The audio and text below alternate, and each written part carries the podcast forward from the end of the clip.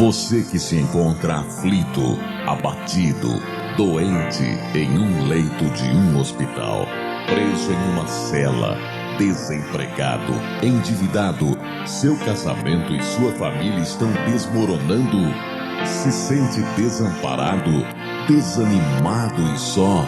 Saiba que existe uma esperança, alguém que se importa com você. Vamos falar com Deus. É momento de oração.